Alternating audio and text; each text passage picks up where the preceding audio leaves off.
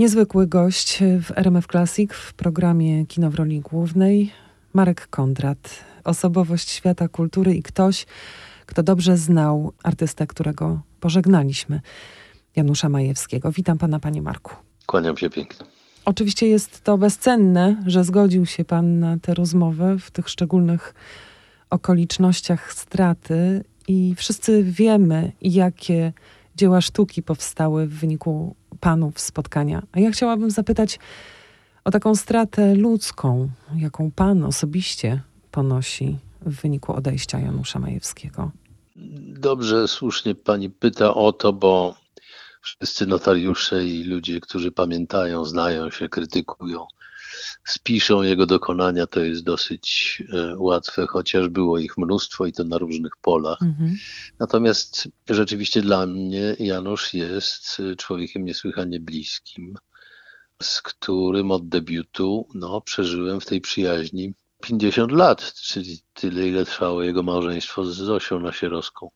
To jest e, kawał czasu, bardzo różnego w naszym kraju, jak się pani domyśla przyjaźń niesłychanie dla mnie znacząca, ważna, pełna ciepła i takich profitów dla mnie, których bez niego bym nie posiadł. Myślę o takim, o przede wszystkim e, debiucie pod jego okiem, który oczywiście otworzył mi okno na świat, ale też nie chcę mówić o sprawach zawodowych, tylko o takim kontakcie z najwłaściwszym człowiekiem, jakiego można było sobie wymarzyć, będąc dwudziestoletnim człowiekiem. Czyli to nie jest tak, że czuł Pan w tej relacji jakiś rodzaj zobowiązania, wdzięczność za zaklęte rewiry, więc y, będzie Pan hołdował tej idei przyjaźni, niezależnie od tego, jak się przez te dekady będą układały Wasze krajobrazy emocjonalne. No, absolutnie niezależnie od tego, mimo że wszystko świadczy o tym, że powinien mu być wdzięczny, wie pani, za debiut, ale ja mam inną teorię w życiu, wie pani. Mam taką teorię, która mówi o tym, że swój na swego powinien trafiać w życiu i na ogół się tak dzieje. Czy to byłby kto inny, no to pewnie mogłoby się to potoczyć inaczej, ale myślę, że i tak w życiu byśmy się spotkali i przeżyli to, co przeżyliśmy. Chcę mówić o czymś takim, co Janosz stwarzał dookoła siebie, a co w Polsce nie jest do końca popularna, a nawet bywa wstydliwym. Mianowicie o takim poczuciu piękna, które sam tworzył i które stwarzał dookoła siebie. Jeżeli dopuszczał do tego kogoś, to znaczy, że ten ktoś był oświetlony, że tak powiem, hmm. tym promieniem, który Janusz stwarzał. Człowiek niesłychanie bogaty wewnętrznie. Poza tym z taką kulturą, z którą dzisiaj nie mamy już do czynienia to warto podkreślać, dlatego że to niesie ze sobą taki rodzaj bezpieczeństwa mhm. i takiego łaknienia przebywania w towarzystwie takiej osoby, gdzie można się czegoś dowiedzieć, gdzie można czegoś doświadczyć, dzięki której można poznać innych wspaniałych ludzi, niekoniecznie z naszego zawodowego świata. Bowiem Janusz z Zosią, kiedy byłem młodym człowiekiem, kiedy mnie zaangażował do rewirów, prowadzili bardzo otwarty dom w Warszawie, w którym chętnie spotykali się bardzo różni ludzie, mhm. którzy decydowali tak naprawdę o tym, jak wygląda polska kultura, literatura, muzyka. To byli ludzie wolni bez względu na to, co się działo dookoła. To byli ludzie oczytani, to byli ludzie twórczy, jak powtarzam, w bardzo różnych dziedzinach zawodowych chciało się tam być, krótko mówiąc. To nie dawało żadnego glejtu specjalnego, wie pani, do czegokolwiek. To nie załatwiało pewnych spraw, mówiąc trywialnie, tylko po prostu dawało człowiekowi przepustkę do urody życia, do piękna. Także owszem, wszystkie filmy, które z Januszem robiłem, gdzieś tak jak przez mgłę pamiętam, niektóre lepiej, niektóre gorzej. Natomiast nigdy nie zapomnę atmosfery po planie takiej, którą zwykle wypełniały nasze spotkania, takie trochę sybaryckie, w poszukiwaniu dobrego miejsca do tego, gdzie można będzie omówić sobie to, co przeżyliśmy tego dnia i co jest poza tym wszystkim, co daje taką otoczkę tej pracy niesłychanie ważną, bo nie można o niej mówić cały czas i jeszcze ją uprawiać do tego. Janusz był na to niesłychanie otwarty. Zresztą jego taki wszechtalent, mogę powiedzieć, o tym zaświadcza także, ponieważ był nie tylko reżyserem, ale był też architektem, był też e, operatorem filmowym, był też scenografem pisarzem, też. napisał mhm. scenografem mnóstwo, mnóstwo ciekawych rzeczy, a przede wszystkim miał fenomenalny dystans do świata. Uwielbiam takich ludzi, którzy potrafią żartować z siebie samych, którzy potrafią patrzeć ironicznie na rzeczy, które skazują nas na pewien patos. Stąd nieprzypadkowo jego skłonność do braci Czechów, na przykład, z którymi bardzo często kolaborował. Paweł Hajny był autorem kilku jego scenariuszy. Chętnie przebywał w Pradze, pokazywał mi ją z namaszczeniem po prostu i czuł się znakomicie w mieście, które miało swoją przeszłość i które nie było naruszone w jakiś sposób. To był także styl Janusza, który odebrał z domu wspaniałe wykształcenie i ogładę, ale też ciążył ku pięknu i ku takiemu szczegółowi, który pielęgnował. Dzięki temu szczegółowi filmy jego zadziwiająco długo żyją.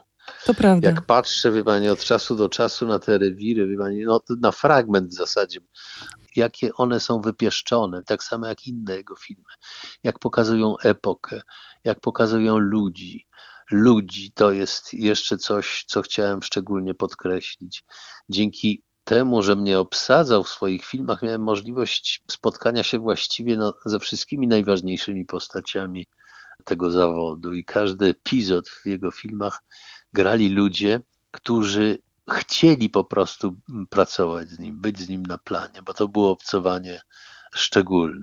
Sprawa Gorgonowej idealnie wpisuje się tak. w to, tak. o czym Pan wspomniał, bo właśnie przedstawienie człowieka z całą jego złożonością, to chyba się tutaj spektakularnie udało. Nie mówiąc już o tych y, artystach, których podziwiamy na ekranie w tym szczególnym filmie. Jak najbardziej, jak najbardziej, ale wie pani, żeby to wszystko razem połączyć i tę Pragę i ten czas przeszły, który on lubił i ten kostium, to jest coś dla mnie niesłychanie ważnego, bo sam uprawiam taką ideę, wie pani, że trwanie, ciągłość, powtarzalność jest niesłychaną wartością w życiu człowieka. Mówię to specjalnie, bo żyjemy w kraju, który targany jest haustami, który bez przerwy, wie pani, o coś walczy. Więc taka stabilność, powiedziałbym w cudzysłowie pacyfizm nawet w pewien mm -hmm. sposób pojęty, jest urokliwy. Janusz to pokazywał. Przede wszystkim ciążył ku tego typu literaturze, która dawała namysł człowiekowi, a nie epatowała gwałtownością. Taka jest lekcja martwego języka na przykład, prawda? Wyśmienita. Czyli mhm. filmu, który się dzieje w trudnych czasach, ale jednak opowiada o człowieku w bardzo, bardzo wyrafinowany sposób. Zazdrość i medycyna. Ale też film dyplomowy e, z łódzkiej szkoły, mówi o rondzie. Fenomenalny film młodego człowieka, który zapowiada że tak powiem, człowieka nieprzeciętnego, mm -hmm. obdarowanego niesłychanym poczuciem humoru, zdystansowanego, do świata i odbierającego no taki jego powab prawdziwy. Szlachty czy tańcy tango ze Sławomirem Mrożkiem. Janusz w tej epoce całej ciężkiej, gdzie jego koledzy zajmowali się i umoralnianiem swojej widowni, i walką nieustającą, albo się w nią włączali, był jak gdyby osobną instytucją, hmm. która gwarantowała widzowi pobyt w innym świecie trochę, w którym w dalszym ciągu obowiązują jakieś zasady, jakieś prawa, jakieś jakaś klasa, ludzkie, jakaś klasa też. Klasę, hmm. rzeczywiście. No piękno mówię, o tym podkreślam to dlatego, że w polskich szkołach nie uczy się piękna, więc on tak jakby zastępował tę szkołę w dużym stopniu pokazywał ludziom, jak było, ale też jak może być, że mury takich miast jak Praga zostają, zmieniają się na nas, tylko kostiumy, a to wszystko trwa. I to jest filozoficzne przesłanie niesłychanie ważne w sumie. Jak popatrzymy na datę jego urodzin, no to miał o czym mówić. Przeżył kawał czasu, miał bardzo udane życie, więc kiedy zaczęła Pani w smutnej tonacji, muszę się zwierzyć z tego, że bardzo łagodnie przyjmuję to odejście, muszę Pani powiedzieć. Owszem, odchodzi mi przyjaciel, ale Janusz, tak jakby się z nami wszystkimi, których obdarzał swoją przyjaźnią, pożegnał się dwa lata temu podczas swoich 90. urodzin. Tak to odebrałem. Zebrał nas wszystkich bardzo dużo osób, bardzo dużo osób. Podejrzewam, że równie dużo będzie na jego pogrzebie. Zobaczyłem wtedy, jak udane miał życie. Bo jeżeli w ostatnich chwilach tego życia, bardzo naturalnych w sobie, bo nic tam dramatycznego się nie wydarza, po prostu dożywamy swoich dni, i tyle. Chodząc na pogrzeby, czasem za pazuchą skrywamy taką lekką pychę, że nas to nie dotyczy, ale dotyczy wszystkich. To się też kończy Więc... w pewnym momencie, to poczucie pychy, tak, a pojawia się strach. To jest nieuniknione. Tak. Natomiast jak mamy do czynienia z człowiekiem, który ewidentnie przeżył dobrze swoje życie, to pojawia się uśmiech e, zadowolenia po prostu takiego, że to dokonanie jest tak duże i że może się czuć po prostu szczęśliwym albo to, co przeżył, naznaczyć jakimś sensem, o który czasami, jak pani wie, jest trudno w życiu. Chciałabym jeszcze odwołać się do motywu, proszę wybaczyć, wysokie C. Nieśmiertelności, bo wierzę, że kino taką nieśmiertelność twórcom daje. Może pan zniszczyć to, kina. co powiedziałam, ale proszę mi też pozwolić pokładać tę wiarę w kino i jego mhm. moc. Też y, motyw jazzu chciałabym przywołać, tak. bo to, o, że tak. nakręcił dla niemieckiej telewizji Janusz Majewski film dokumentalny Jazz in Poland, tak. to tak. jest niezapomniane doświadczenie spotkania z jazzmenami wybitnymi, uwiecznionymi przez niego w samych początkach. To jest taka misyjna sprawa, za którą ja mam głęboką wdzięczność. Czy wyście słusznie, słuchali słusznie, jazzu razem? Ja się też e, e, rzadka, wie mhm. pani, ale owszem, znam jego zapał do tej muzyki, ale też proszę pamiętać, że jego młodość upłynęła w towarzystwie ludzi, którzy koniecznie chcieli się wyrwać e, z szarości otaczającej ich.